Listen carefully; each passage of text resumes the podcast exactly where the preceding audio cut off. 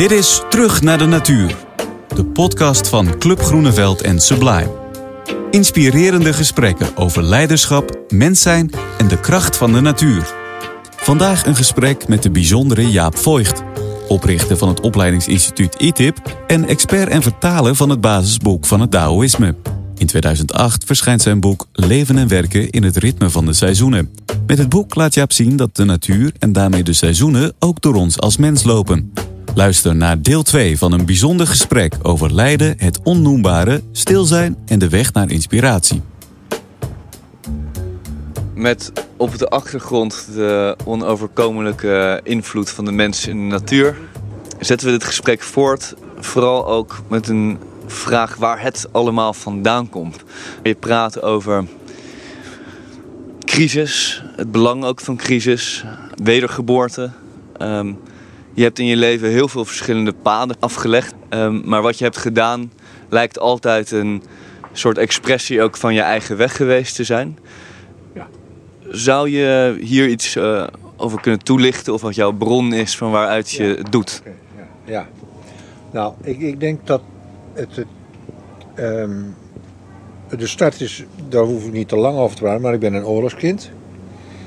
Um, en dat betekent dat je in hele onzekere tijden uh, je eerste vier jaar hebt doorgemaakt.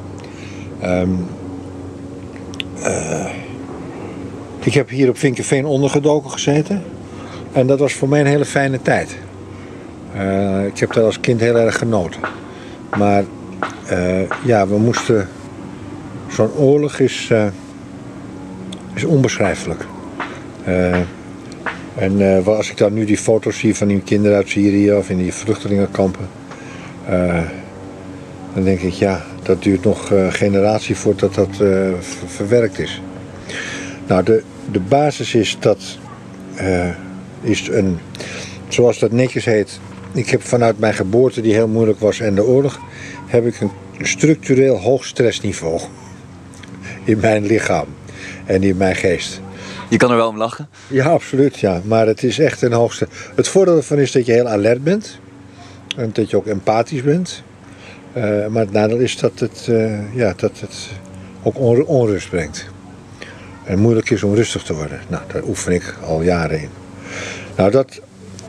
Dus wat betekent dat nou? Het betekent dat je in een wereld zit als oorlogskind die, waarvan je absoluut geen grip hebt. En waarin je totaal ondergeschikt bent en waarin je ja, er maar het beste van moet maken. Uh, als basis. En dat er, ja, dat, dat, dat is het. Er zijn nog meer dingen. Nou, in mijn uh, puberteit. mijn vader is ziek geworden, mede door de lijden in de oorlog. Um, en die is ziek geworden toen ik acht was en doodgegaan toen ik 22 was. En die is nooit een dag beter geweest. Het is alleen maar slechter gegaan. Ruggenmergziektes, eerst maag en uh, allerlei organen en daarna is ruggenmerg. En daarbij kreeg hij, uh, omdat de pijn zo groot was en ze nog niet, geen neurochirurgie hadden, of bijna niet, dat, uh, kreeg hij heel veel pillen. En er was een nieuwe pil uitgevonden en dat was Palvium. Daar doen ze nu die junks mee, die afkicken. En daar had hij er 500 van. En daar had hij er 24 van op een dag. Nou, die man die is me schokken geworden. En uiteindelijk was de vraag, is hij krankzinnig of niet? Dus ik ben vanaf mijn 14 en thuis ook opgesloten geweest en dan weer terug. En vanaf mijn veertiende heeft de vraag, wat is normaal, mij bezig gehouden. Uh, ik vond mijn vader eigenlijk wel normaal. Uh, en als hij heel gek deed, vond ik hem ook wel normaal. En ik voelde dat er ook dingen niet normaal waren. Maar wat is nou normaal? Dat is een basisvraag van mijn hele leven. Dat is nog steeds zo. Ik ben bij iemand en dan denk ik, is dat nou een normaal iemand? Nou, als je over die façades praat, dan denk ik, dat vind ik niet normaal. Uh, dat is eigenlijk de grootste onderstroom. Daar komen alle vraagstellingen van vandaan oorlogskind en wat is normaal? Nou, ik heb. Uh, uh, ik was. Ik heb carrière gemaakt, even. Uh, En ik was eigenlijk een hele veelbelovende jongen. Ik, ik, was niet zo goed op school, maar ik, maar ik was altijd wel aanwezig. Een vorm van charisma, een vorm van aanwezig zijn. Dat heb ik nog. Als ik ergens ben, dan ben ik er. Dat kan ik ook niet, dat kan ik gewoon niet helpen. Maar dat had ik. Uh, en ik ben. ik had een talent om te hockeyen. En ik ben eigenlijk vanuit het niks in Nederlands jeugdelftal terechtgekomen en in Nederlands elftal. Op mijn zeventiende. Toen ben ik er weer uitgekomen, gaan gaan en weer in, omdat ik te, jong was, te licht. Um, en die topsport heeft mij in een andere werkelijkheid gebracht. Ander milieu, zeker in die tijd. Uh, en uh, uit dat milieu kwam ik niet. Ik was onderwijzers, leraren. En uh, dat milieu, wat eigenlijk rond golfgebieden woont, zal ik maar zeggen, toen, dat, dat vond ik wel mooi. dat vond ik fijn. en ik vond vooral heel erg fijn die schuine daken met riet erop en die kamers met zo'n schuin dak en dat je bloemetjeslakens op je bed had. als ik dan bij die vriendjes van mij waarmee ik hockeyde in Bloemendaal en Stichtse en Laren en eh, Tilburg logeerde, dan was dat dat. En dat, heeft, dat is heel raar, maar dat is altijd een zwak geweest. Maar dat is een vorm. Maar ik dacht, ja, ja dit, dit is dus de wereld. En, uh, en daar wil ik ook bij. Nou, ik werd overal uitgenodigd omdat ik echt vrij bekend was toen, of heel bekend. En dan glij je in zo'n uh, zo'n wereld. En dan kom je een vrouw tegen. Uh, waar ik op de Olympische Spelen zelf een parelketting voor gekocht heb. In Tokio, want daar hadden ze veel parels. En daar trouw je. Waarom? Ja, iedereen trouwt. normaal. Ja, en je krijgt kinderen en dat is normaal. En die had ik op een genoeg, had ik er twee. En, en, ik werd, en, ik ga, en inmiddels was ik uh, marineofficier geweest twee jaar gevaren in dienst. Maar door dat hockey was ik ook ergens ingezet. Waar ik, kon ik ook op een boot. was in zes weken officier. En, en ik was geadopteerd door de president-commissaris van Philips. Want die, was, die hield van sportjongens. Uh, dus die heeft me voor een stuk opgevoed. Toen mijn vader en mijn studie betaald. Hoe oud was je toen? 22. En uh, ik, uh, nou, toen heb ik een gezin gekregen. Toen. En toen ging ik bij Philips werken. Waar ik carrière zou maken. En toen was ik 27 toen ik begon. En toen ik 31 was, was ik helemaal hartstikke gek. En toen dacht ik, dit huwelijk klopt niet. Uh, inmiddels was er een derde kind op komst. Die baan die klopt helemaal niet. Philips klopt niet. Er klopt eigenlijk helemaal geen bal. Eigenlijk vind ik het vreselijk en ik vind het heel erg saai. En was dat echt een moment dat het binnenkwam of is dat een sluimerende... Dat is, dat is langzaam gegaan, is in de loop van een jaar gegaan, twee jaar. Dat ik om me heen keek en dacht, ja, maar dit, dit stelt geen fuck voor. En ik had geen alternatief. En ik, weet toch dat ik een boek las van Erik Fromm. Angst voor vrijheid. Dat is in 1941 geschreven. En dat was de eerste keer in jaren dat ik weer huilde. En toen dacht ik, ik ben niet Meshokken. Ik was heel bang dat ik misjokker zou worden. Want dat was mijn vader ook geworden. En toen is eigenlijk er een omdraai gekomen. Ik was in therapie. Er was er een, is er een omdraai gekomen dat ik dacht... Wat je kan zien, de zintuigelijke wereld, is een afgeleide van een andere wereld. En dat is eigenlijk de start geweest. Dus dat wat ik denk of wat mijn intentie is of wat mijn werkelijke motivatie is, dat is wat vormen bepalen. En zo keek ik ook naar andere mensen. En ik heb toen heel lang, in Philips heb ik vier jaar lang besluitvorming. Dat was heel nieuw toen, hoe besluitvormingstrajecten lopen. En daarin zag ik, en daar ben ik ook in opgeleid in Engeland. Dus daarin zag ik dat er iets heel anders gebeurde dan dat mensen besloten. En hoe kan dat nou? nou daarin werd dat hele onbewuste opengetrokken. En daar ben ik in doorgegaan. Kun je dat nog iets toelichten? Dus dat de zintuigelijke wereld is, is, is maar een deel van de werkelijkheid, maar dat wat erachter zit bepaalt eigenlijk hoe je die ervaart? Ja, maar ook hoe die zich vormt. Als ik het in taal van nu zou zeggen, in mijn taal nu, wat ik toen ontdekte, was dat er, uh, nou je hebt een lichaam en daaromheen zit een aura. Dat is een gevoel en dat is een aura van je verstand. En er is ook nog iets wat connecties heeft met iets wat onzichtbaar is. Maar die aura van het gevoel en die aura van dat verstand, die zitten om je heen. Dat, dat werd mij toen duidelijk. En dat werd mij ook duidelijk, dat had ik in mijn sport ook beleefd. Je weet wanneer iemand bovenop je staat. Je weet wanneer je ruimte hebt en niet. Dus dat begrip ruimte had ik. Als je talent hebt, kan je ruimte maken in het veld. Zo let ik nog steeds op mensen. Een talentvolle speler, waar dan ook, maakt ruimte. Maar dat kon ik. En daarin, als ik het nu zeg, er zijn subtiele werelden waarin het onnoembare het laatste is en dat daalt in tot en met mijn lichaam. Om het anders te zeggen, als je in de lente die blaadjes aan de bomen ziet komen, ik kan geen aura's zien, maar ik kan ze voelen. Dan voel ik dat er iets omheen zit waarin het blaadje groeit. Dus er is eerst iets wat subtiel is. Mensen die aura's kunnen zien, zien dat ook. En die zien dat er allerlei uh, subtiele kleuren zitten waarin dat blaadje groeit. Dus die... Potentie? Potentie, zou je kunnen noemen. Potentie die indaalt. In Indiase filosofie, uh, wat ik nou uh, pas gedaan heb, uh, jarenlang. Daarin wordt er gepraat over het onnoembare wat indaalt. En dat eerst pure potentie wordt. En die pure uh, prakriti heet dat. Dat is potentie die naar de stof toe indaalt. En dan ontstaat er stap voor stap in vier lagen in Indiase filosofie dat het fysiek wordt.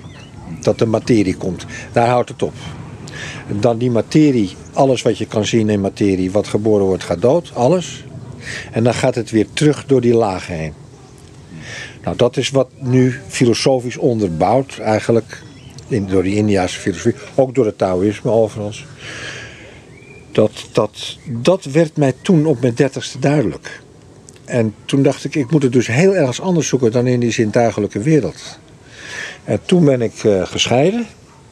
En heb ik drie kinderen achtergelaten, uh, heel jong. En uh, dat is een drama geweest. En toen ben ik echt uitgestoten. uit de hockeywereld, uit de carrièrewereld, uit Philips, uit, uit mijn, de mensen die ik had. Dus toen was ik alleen en toen ben ik naar Amsterdam. Ja, welk jaar is dit? Uh, 1971. Toen was ik uh, 30 jaar. En uh, ik ben eigenlijk, toen heb ik uh, mijn huidige vrouw ontmoet in Amsterdam. En die had een verdieping en daar ben ik op een goed moment ingetrokken. want ik had ook niks meer. Ik had een fiets en een plank met kleren. En drie boeken. En toen ben ik eigenlijk tien jaar lang in de rouw geweest. Voor de kinderen en al andere dingen. En ook om de rouw van mijn vader. En in die rouwperiode van die tien jaar, want ik was wel krachtig, ik was wel sterk, uh, heb ik allerlei klusjes gedaan. Ik ben een jaar lang zakelijk leider van een toneelgroep geweest. Ik heb in een boekhandel gewerkt, een esoterische boekhandel. Ik heb en ik heb veel gestudeerd. En toen werd het vak van organisatieadviseur kwam toen op. Dat bestond nog niet. Dat had ik bij Philips geleerd. En toen ben ik voor mezelf begonnen. Uh, voor me, ja, ik heb een kantoortje gehuurd op het Singel ingericht en toen was ik zelfstandig. En, uh, hoe, hoe, was die periode voor jou qua gevoel? Qua, je, je, vertelde tien jaar van rouw. Wist je dat toen je erin zat? Ja, ja, ja. Ja, ja nee, ik, ik sliep bijna niet. Uh, ik had nachtmerries. Uh, uh, ik ging het café in. Ik was een week lang stoned. Veel ontkenning. Maar ook, ik heb ook plezier gemaakt. Maar ik wist heel goed dat, dat ik ja, in de goot lag. ja. Van waar ik vandaan kwam. Ja. Maar dan, tien jaar is dan heel erg lang. Eh, dat is heel erg lang, ja. Kan ik je echt verklappen.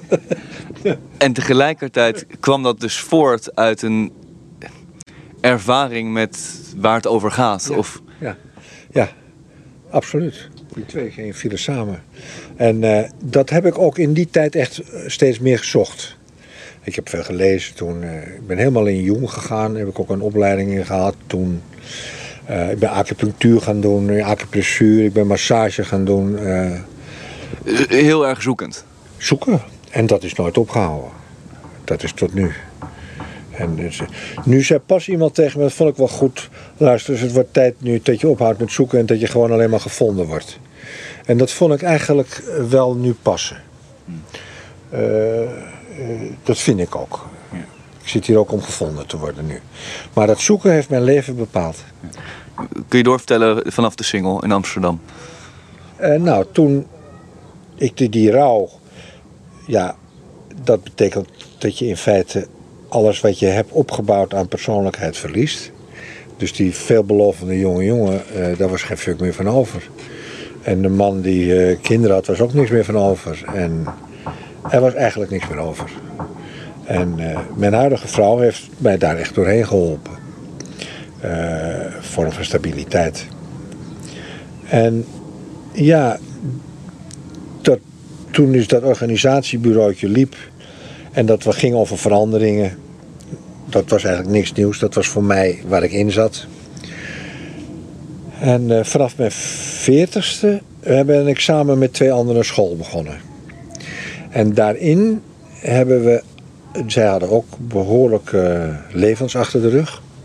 En daarin hebben we eigenlijk die school onze inspiratie overgedragen. En dat is ineens heel erg groot geworden. Of eh, relatief groot. Eh, Het duurde drie jaar om aan te lopen, maar toen opeens hadden we in eind 88, 89 hadden we een school van 500 mensen. Met 24 mensen die, ons, die, die we opgeleid hadden.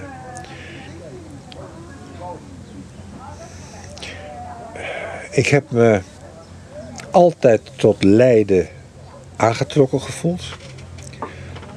Dus ik heb altijd gewerkt met mensen die het echt vervelend hadden. En eh, in organisaties heb ik veel gewerkt, maar dat doet er nu niet toe voor deze vraag. Eh, ik heb eh,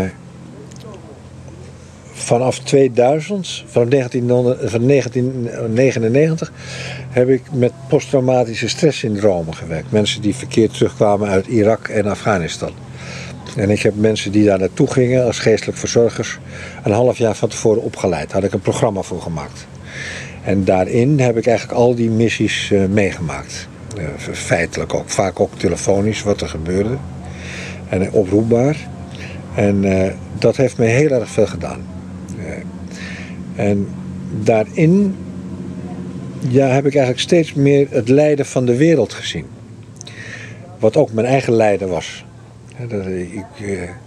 En de inspiratie als enig wat je hebt, zonder middelen eh, en het persoonlijk contact om levend te blijven. Dat is eigenlijk de les geweest. Dus ik heb, eigenlijk, ik heb nooit iets op de plank gehad. Nooit een bureau gehad met dingen op de plank. Of nooit iets twee keer gedaan. Of, dat, herken ik helemaal niet. Dus eh, dat heb ik daaruit geleerd. Dat ik, eh, ik heb een potlood en een papier en, en nu dit en dat is het. Ik heb geen organisatie. De- Die school was ook anderhalve man en een paardenkop. Dat was ongelooflijk hoe, hoe we dat deden. Maar dat was echt waar. Nou, nu is het, bestaat nog steeds. Het is nu eh, bijna 30 jaar. Ehm, door een andere generatie. Nou, die doet het ook anders. Nou, ik heb het lijden in het leven. eh, ik heb heel veel ehm, eh, eh, mensen daarin een tijd bijgestaan. In hele nare dingen. Daar heb ik mijn werk van gemaakt. Individuele gesprekken. Naast opleidingen. Dus, en ik deed het met mensen die eh, macht en aanzien hadden en daarmee in de knel kwamen.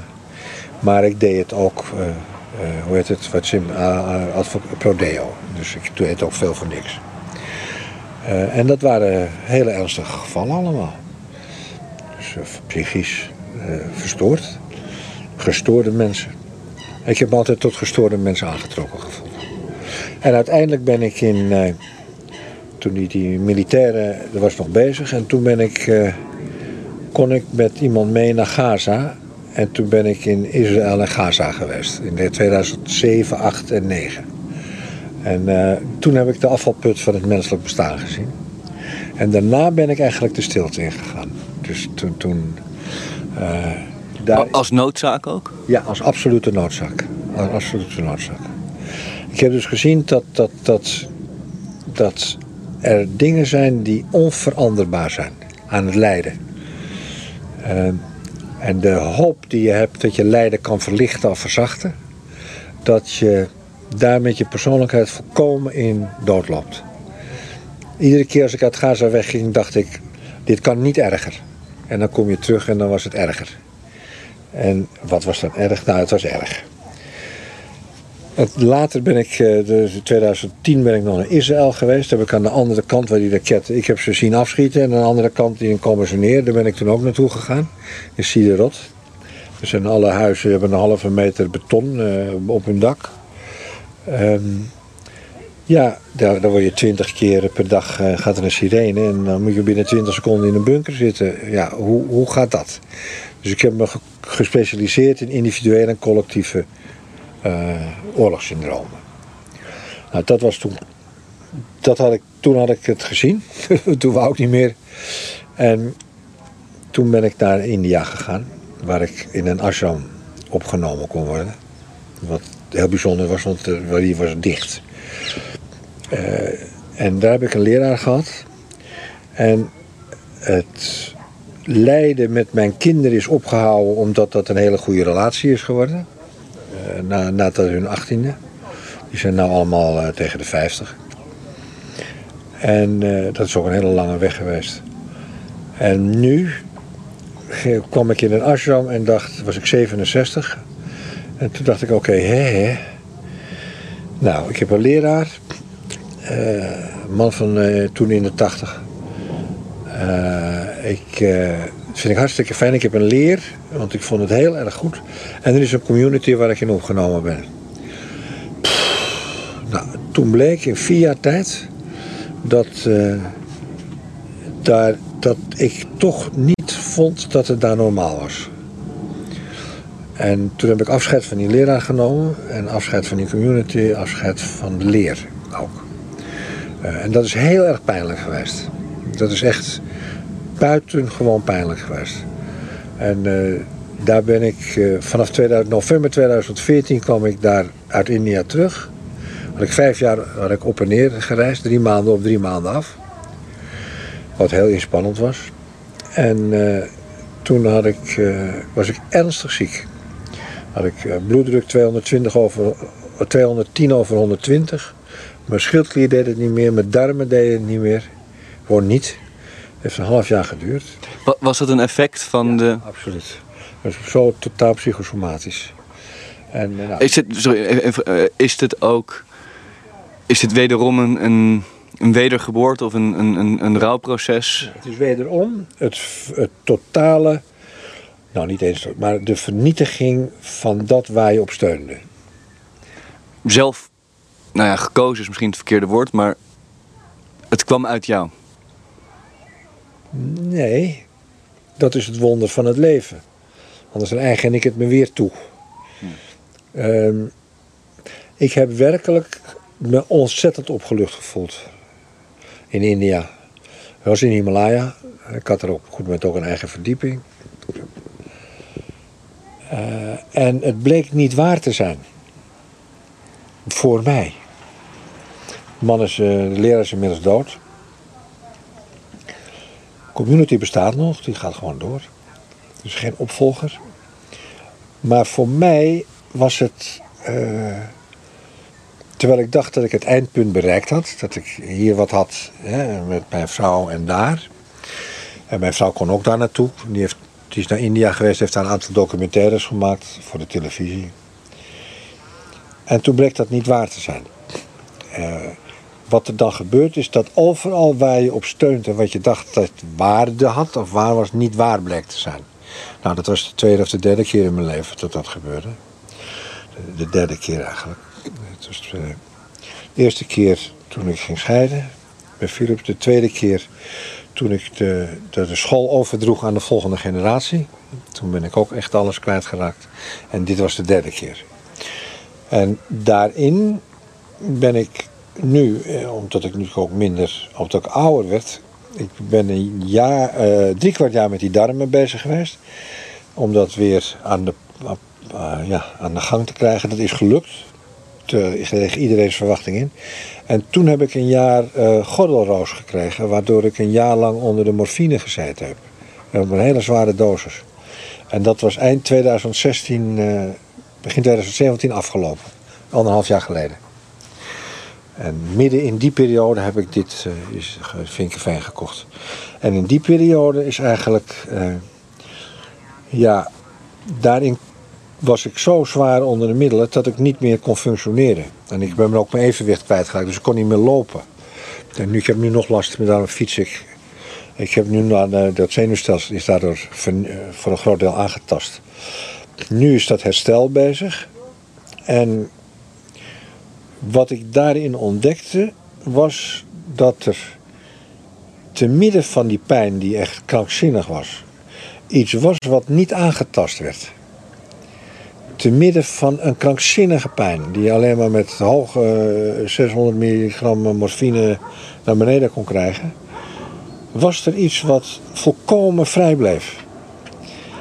En dat heb ik eigenlijk steeds in. Ik ben wel blijven mediteren, iedere ochtend, te midden van wat dan ook. En dat heb ik al door aangeroepen. En dat is eigenlijk het laatste geweest. Ja, waaruit een lijden uh, dat voortgekomen is dat er iets is wat niet doodgaat. Dat gaat ook niet dood als ik uh, de laatste adem uitblaas. Dat, ik weet niet wat het is, maar dat blijft bestaan. Uh, en dat is eigenlijk nu van waaruit ik leef. Van waaruit ik hier zit, van waaruit ik praat, van waaruit ik lesgeef of retraites doe. Uh, dat is eigenlijk om dat wonder, dat er iets is wat te midden van alles onaantastbaar is. En toch eenheid blijft en toch in zichzelf kan rusten. In zichzelf kan rusten. Terwijl je zo gefokt als de pest bent ook. Maar dat dat bestaat, nou dat is eigenlijk nu waar ik zit. Nou dan komt dankbaarheid, eh, ontroering.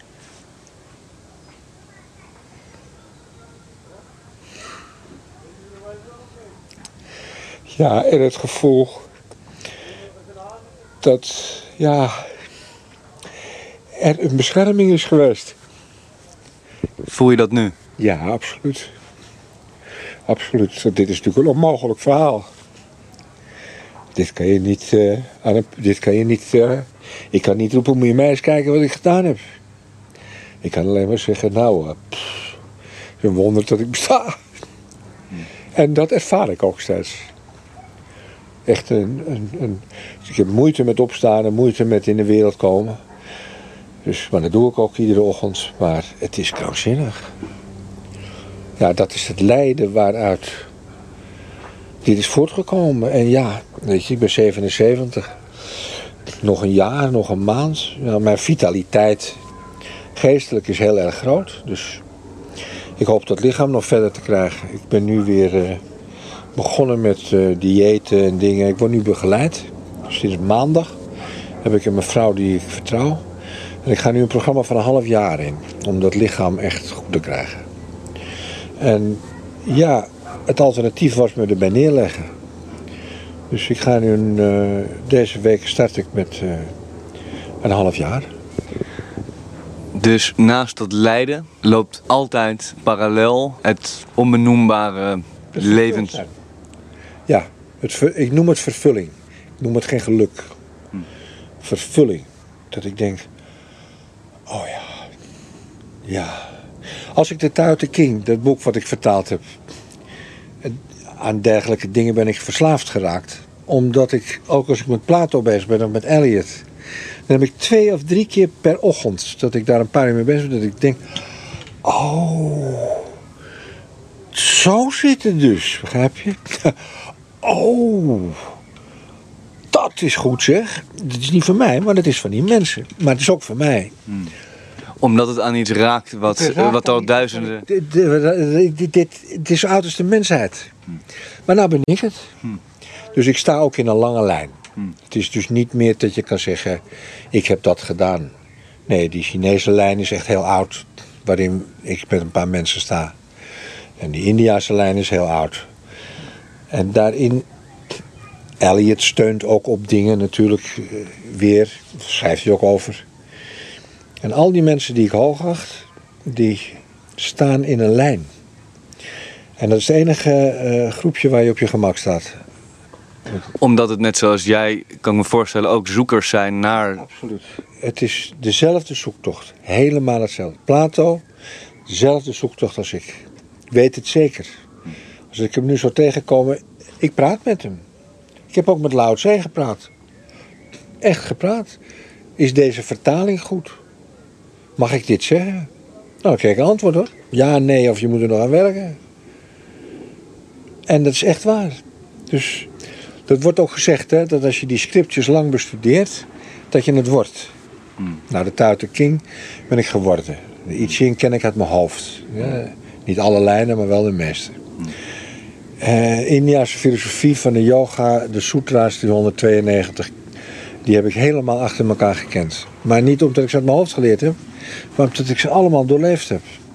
Want daar zit nog denk ik een, een groot verschil tussen de kunstenaar of de, de filosoof of, de, of de wijze en de studist, de student. Ja, er, zijn, er zijn nu twee dingen die ik heel sterk onderscheid. Dat draag ik nu ook over. Kijk, het meeste wat ik nu verteld heb, eh, is van boven naar beneden. Van de hemel naar beneden, indaling. Dat zijn de wijzen, dat zijn de geschriften, dat zijn de eeuwigheidswaarden daarvan. Maar ik ben de laatste jaren sinds mijn ziekte, want toen kon ik niet denken meer, maar ik kon wel plaatjes kijken. eh, heb ik ontdekt dat er heel veel schilders, dichters en schrijvers mij voorgegaan zijn. En dat zijn artiesten en theatermakers die in een worsteling vanuit de aarde iets optillen.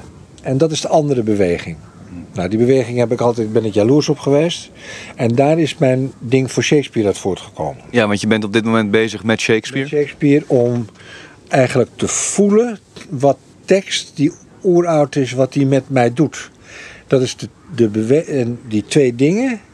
Van boven naar beneden ja, heb ik stuf zat. Maar van onder naar boven ben ik nu aan het vullen met Eliot. Maar ook met eh, eh, eh, hoe heet dat, schilders. Munch bijvoorbeeld. Ben ik heel ver in Cha- Chagall. Chagall bijvoorbeeld, die als hij kleuren zag, hoorde hij muziek. En als hij muziek hoorde, zag hij kleuren. Die had, was volkomen één. Dus die hele verdeling had hij niet. En dan kijk ik zo naar dat werk. En dan denk ik, ja. Nou, dat, die twee dingen hebben nu mijn leven. En dat komt samen in het hart. Dat is wat mij duidelijk is. Die twee dingen komen in je hart samen. En dat hart, dat gaat dan dat, die- dat horizontale vlak van die wereld in. Maar de voeding hier op de boot is van dit van boven naar beneden en van onder naar boven. Ik zelf kan eigenlijk niet schilderen of dingen doen of muziek maken, maar ik kan er wel van genieten. En ik merk door die theaterdingen die ik doe, dat, eh, dat, mijn, eh, eh, dat mijn hart meer open gaat. En het hart dat dan ook letterlijk staat tussen het hoofd in verbinding met de hemel en de voeten die echt op aarde staan. Ja, absoluut. Ja, dat is de weg geweest. Ja, tot nu. Je hebt bij een prachtige bijeenkomst ook ehm, vanuit Club Groeneveld gesproken over een boek wat je hebt geschreven. Eh, we zitten niet voor niets in de natuur, zou ik bijna willen zeggen. De natuur ook als inspiratiebron, als stiltebron. Of... Maar jij zegt ook eigenlijk, dat is natuurlijk aperte onzin. Want wij zijn natuur. Ja. Wij zijn ook seizoenen zelfs. Ja, dat vind ik denk ik wel, ja. Zou je, zou je dat iets kunnen toelichten? Ja, ik denk wat ik in het boek ook schreef. Van, kijk, wij, we kijken niet naar seizoenen, we zijn seizoenen. Die, die, die, die, die, die cyclus gaat door ons heen. Dus daarom mag je ook, daarom is die natuur een, een houvast voor de mens. Want in de winter is, dient hij naar binnen ge- gekeerd te zijn. In de zomer is hij naar buiten gekeerd. In de lente komen de nieuwe dingen. In de herfst wordt het rijp. Al deze begrippen moeten gewoon toegepast worden op je eigen leven. En daarom heb ik dat boek gemaakt. Later kan je nog verder, want je kan ook naar de innerlijke algemeen. heb je die natuur niet meer nodig. Dat, dat, is waar, dat zijn die latere Chinese boeken. Uh, maar dit, dit is meer dan voldoende. En wat leert de natuur ons? Of wat zou, wat zou je moeten leren van de natuur? Ja, kijk, dat, dat is een heel groot onderwerp. Kijk, het is weer dat je in twee vlakken antwoordt. Aan de ene kant is het een wonder. Ik bedoel alleen al in deze sloten diversiteit. Of aan planten de diversiteit. Of aan mensen of aan dingen. Ik bedoel, het is onvoorstelbaar. Dat is de ene kant. Aan de andere kant, kijk, als je hier op die gras zit, dan zie je bijna geen gras meer, want alles is klaver. Dat klaver moordt dat gras gewoon uit hoor. Dus helemaal geen. Uh, geen het is echt een dodelijke competitie hoor. Uh, en dat gras dat gaat eraan. Punt. Dat is natuur. Ik kan bijna geen Afrikaanse natuurfilms zien. Want die cheetah die grijpt zo'n uh, zo'n giraf of een gazelle of weet ik veel. En die vreet hem op terwijl hij nog leeft. Gebeurt echt. Dus de natuur is van een onvoorstelbare vreedheid ook. Die ene kant, wat ik hier, ik, we hebben het hier lieflijk gemaakt. Ja? Ja, dat is de mens die dat maakt. Maar ik heb, met de Maasai heb ik tien dagen uh, door de bos gelopen. Ik ben in IJsland geweest. Ik heb uh, in de Amazone gezeten. Als je echt in de natuur zit. En dan bedoel ik dat je uh, afgesloten bent en je zit in de natuur. Dat is een angstige situatie. Alleen in de natuur. Ik ben geoloog geweest. Ik heb maanden alleen in de bergen gezeten. Uh, Zuid-Spanje, bloedheid. En uh, in de Hoge Alpen. Ja, dan leef je met de natuur. En dat is iets anders dan, uh, god wat is dat fijn. Dat is spijkerhard. Daarom merk je dat die mens dat heeft willen overwinnen. En dat gedaan heeft. Maar als je nu naar de natuur kijkt en zegt laten wij natuurlijk leven. Dan zeg ik, er zijn twee dingen. Het is een wonder aan de ene kant. En er is een onvoorstelbare vreedheid aan de andere kant dat doet mij denken aan dat steeds weer ik mij tot dat onnoembare kan verheffen. En dat ik steeds de holocaust onacceptabel vind. Niet te bevatten. Vreedheid. Zoals ik de natuur niet te bevatten vreedheid vind hebben. Dus dat interview nu, wat we nou aan het afsluiten zijn van we moeten leven volgens de natuur, heeft wel twee kanten. Namelijk één waar gewoon de een de ander uitmoordt, ja, opvreet. En de andere kant het wonder wat zich af, afspeelt. En het is beide waar je mee om moet leren gaan. Beide. En het ene gebeurt altijd op de achtergrond van het andere. Ja, ja, ja. Je kan je focussen op dat wonder. Ja, door die dankbaarheid. Of door te kijken. Of door te kijken naar een bloem. Of door te kijken naar... Genieten. Als je dat niet als, als uh, vergetelheid doet. Ja, maar je geniet echt. Ja, dan voed je dat wonder. Maar... Ja, de natuur wordt ook de ding. Ik bedoel, hier was vorig jaar een rups. Voor de Van die was geen fuck meer over. Dat is de natuur hoe daarmee om te gaan. Dus daarin vind ik Alder, en daarom ben ik ja, van die leer van India vandaag gegaan. Aan de ene kant is er de eenheid waar je op af kan stemmen. Is er iets wat niet doodgaat? Is er iets wat onsterfelijk is? Is er iets wat ja, onvoorstelbaar is dat het overal in doordringt? En het andere is een meedogenloze strijd in de dualiteit. Waarin de I Ching, de kunst van het oorlog voeren. Waarin in relaties, hoe doe je dat? dat is voor mij altijd de mix geweest. Eén woord wat heel erg in me opkomt ook is het luisteren. Luisteren, stil zijn. Waar luisteren is, is ruimte. En als je in een vergadering zit, dan weet je meteen wie de ruimte om zich heen heeft en niet. Degene die geen, niet luistert, heeft geen ruimte. Die kan ook niet aanhaken. En ik voel het ook omdat, waar we het in het begin van het gesprek over hadden. Hoe weet je nou dat er crisis is? Hoe weet je nou wat je façade is? Wat nog moeilijker kan zijn dan je denkt. Als je niet meer open bent. Als je niet meer luistert. Als je niet meer open bent. Ja, open, luisteren. Eh, gewoon aanwezig kunt zijn. Zonder iets. Is dat dan ook de, de weg naar inspiratie of de weg naar het, laten we zeggen, om de sublieme kant van het bestaan te zien en niet het lijden? Dat gaat via de stilte. Wees stil, zei ik tegen mijn ziel, zegt Elliot. Wees stil. En dan komt dat woord, hè? wees stil. En kijk, voor mij, als ik ooit nog een keer die school opnieuw zou moeten starten, dan zou ik iedere bijeenkomst, omdat het mijn eigen bedrijf was, met 10 minuten stilte starten. Altijd. Iedere les die ik geef nu thuis begint met eh, 20 minuten stilte. Soms met de muziek en soms gewoon stil. Waarom? Ja, om aanwezig te raken. Ja. En eh, ja. En dan na afloop zeggen van nou jongens, ja, was goed zo. Dankbaar. Heb jij uiteindelijk, als je terugkijkt en vooruitkijkt en het nu kijkt, dat is misschien het belangrijkste, ehm, goed naar jezelf geluisterd?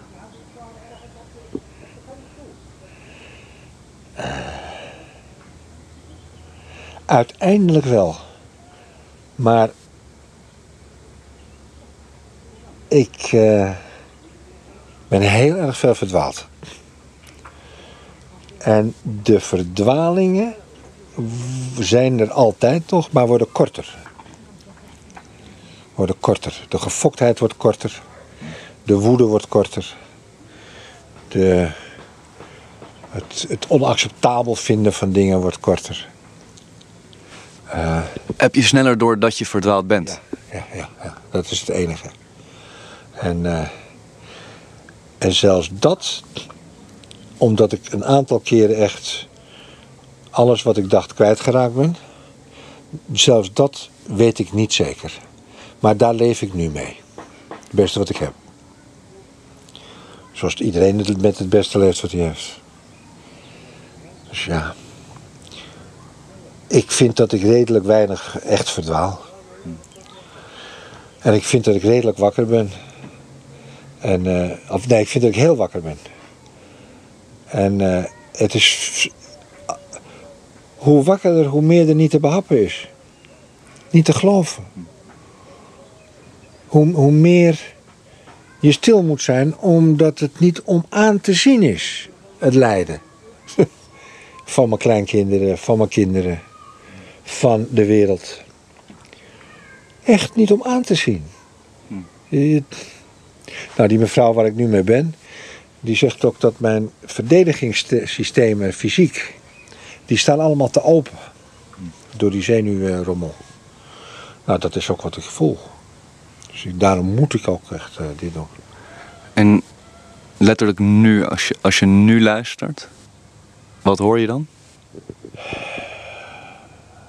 Ik hoor dat het goed met dit kind gaat. Gaat goed met dit kind. Het is echt leuk. Het is een goed joch. Gaat het goed mee? Ja, Ben je dat zelf? ja. Goed met het joch. Het is leeftijdsloos. Heeft niks met tijd te maken. Gaat goed. Maar eh houd het wel geheim. Zal het aan niemand zeggen. Dankjewel Jaap. Ja, graag. Je luisterde naar Terug naar de Natuur, een podcast van Club Groeneveld en Sublime. Wil je meer weten? Ga dan naar clubgroeneveld.nl.